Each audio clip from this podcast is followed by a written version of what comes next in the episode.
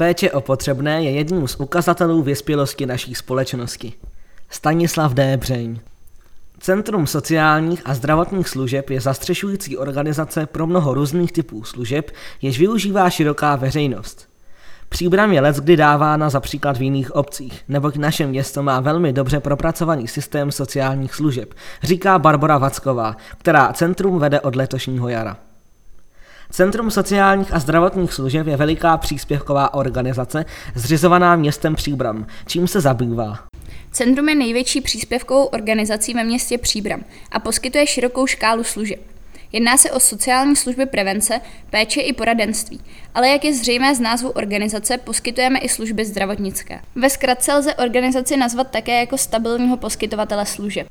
Jaká střediska pod centrum spadají a kolik lidí zde celkově pracuje? Pod centrum spadá celkem 8 středisek. Azylový dům, dětské skupiny a rehabilitační stacionář, domov seniorů, nízkoprahové denní centrum a noclehárna, pečovatelská služba, protialkoholní záchytná stanice, sociální poradna a terénní programy. Každé středisko má různou škálu pracovních pozic, ale v Centru sociálních a zdravotních služeb města Příbram je v současné době asi 230 zaměstnanců, včetně tzv. dohodářů. Jako čerstvá ředitelka mám obrovské štěstí, že služby jsou nastavené na velmi dobré úrovni a tým vedoucích pracovníků a všichni zaměstnanci jsou pro mne velkými pomocníky. Všichni, kdo v naší organizaci pracují, jsou odborníky nejen na svoji práci, ale jsou jedineční i pro stránce lidské.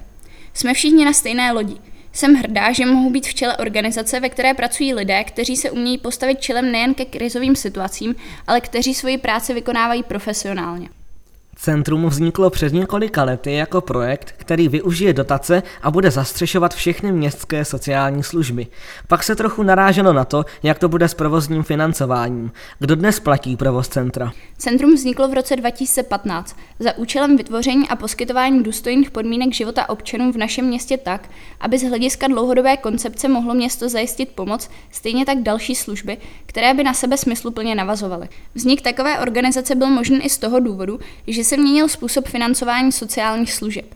Nyní je organizace financována prostřednictvím středočeského kraje, což se týká služeb, které jsou v tzv. krajské síti poskytovatelů sociálních služeb. Dále získáváme příspěvek od zřizovatele, kterým je město Příbram, a máme také vlastní zdroje. V posledním případě to jsou úhrady ze strany klientů za služby, které jsou spoplatněny a projekty podpořené Evropskou unii. Tedy za služby si připlácejí i klienti? Ano, systém sociálních služeb je tak nastaven. Nicméně například terénní programy a sociální poradna jsou služby, které poskytujeme bezplatně. Jak probíhá kontrola a dohled nad fungováním centra? Naše organizace je pravidelně kontrolována samostatným oddělením kontroly a vnitřního auditu Městského úřadu Příbram. Taktéž je v organizaci nastaven systém vnitřních kontrol a pravidelně se podrobujeme metodické dohlídce ze strany Středočeského kraje.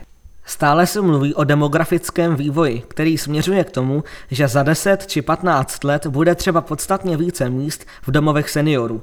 Připravuje se město řádně na tento vývoj? Současným trendem je podporování setrvání klientů v jejich přirozeném prostředí. Tím poroste vliv terénní práce. Pobytovou službu lze využít až tehdy, když už není jiné řešení. Je to pochopitelné a díky pokrytí sociálních služeb lze tento trend držet co nejdéle, jak je to možné. Dostáváme se však do situace, kdy nám narůstá generace seniorů s nízkými příjmy, kteří nemají dostatek finančních prostředků nejen na bydlení. Určitě musíme přemýšlet o možnosti zřízení domova se zvláštním režimem a je důležité řešit kapacitu odlehčovacích služeb. Město Příbram myslí na budoucnost a snažíme se připravovat na situace, které nám tento vývoj zcela jistě přinese. Nakolik je již plně funkční nový dům v Žežické ulici? Nový domov seniorů, který se stal detašovaným pracovištěm Příbramského domova seniorů, od loňského podzimu plně slouží občanům. Vzhledem k tomu, že poptávka po této službě neustále narůstá, jsem ze své pozice ráda, že se to městu Příbram podařilo dotáhnout do úspěšného konce a zajistilo financování výstavby. Jedná se o zařízení, které je zaměřené na osoby upoutané na lůžku a vyžadující celodenní péči. Kolik je dnes míst v domovech seniorů a kolik je neuspokojených žadatelů? V našich domovech máme právě díky detašovanému pracovišti 78 lůžek. Nový pavilon přinesl 20 lůžek především pro imobilní pacienty, čím se zase uvolnila místa v domově na Březových horách. Neuspokojených žadatelů je asi 250. Co mohou dělat lidé, kteří se nedostanou do domovů seniorů zřízených městem? Lidé, kteří se nedostanou do našich domovů či obecně do pobytových služeb z kapacitních důvodů, mohou zkusit ještě poptat a využít stejnou službu v okolních městech. V okrese Příbram máme více domovů, ale každý má svůj pořadník žadatelů. Samozřejmě je zde ještě plná škála jiných služeb, které mohou dočasně pomoci při péči právě v domácím prostředí. Seniori tvoří asi největší část klientů, ale pomáháte také jiným lidem. Kteří to jsou? Vzhledem k širokému spektru poskytovaných služeb máme klienty z každé věkové kategorie a s velkou různorodostí problémů. Takže vedle seniorů pomáháme i zdravotně znevýhodněným osobám. Dále řešíme problémy s bydlením, potíže v rodině, výchovné problémy, partnerské problémy, domácí násilí, péče o děti, využití volného času. Finanční zátěže, zadlužení, občanská poradna, poradenství v nezaměstnanosti, finanční gramotnost. Závislosti, alkohol, nelegální drogy, automaty, či hmotnou nouzi rodičů, samoživitelů. Jak významné je v příbrami bezdomovectví? Daří se lidi zachytit přes nízkoprahové centrum a noclehárnu a pomáhat jim s návratem do společnosti? Za dobu působení této služby v našem městě si dovolím tvrdit, že část bezdomovců z ulic zmizela. Ale díky terénní práci a spolupráci s odborem sociálních věcí a zdravotnictví a městskou policií Příbram se daří mít tyto lidi takzvaně pod kontrolou.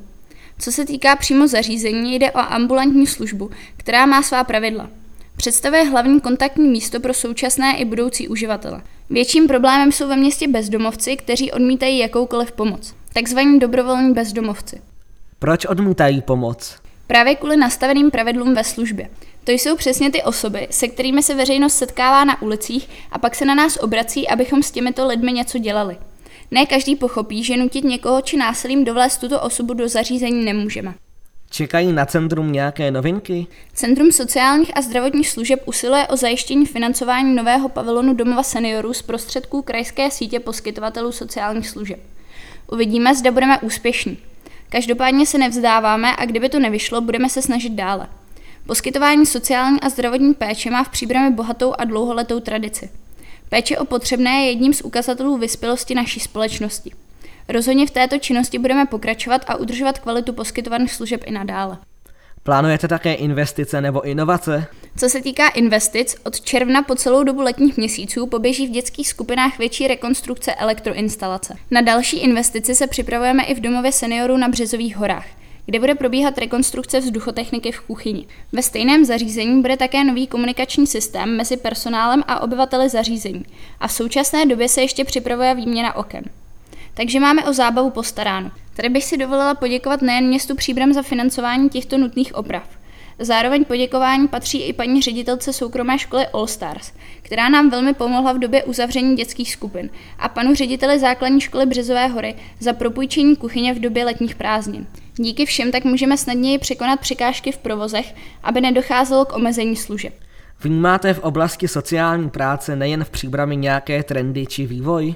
Co se týká příbramy, musím zmínit fakt, že je tady skvěle nastavena spolupráce s jinými organizacemi. Příbram je kdy dávána za příklad v jiných obcích, neboť naše město má velmi dobře propracovaný systém sociálních služeb. Dochází ke vzájemné spolupráci a služby se doplní. To je ta nejlepší možnost pro klienta jakékoliv služby.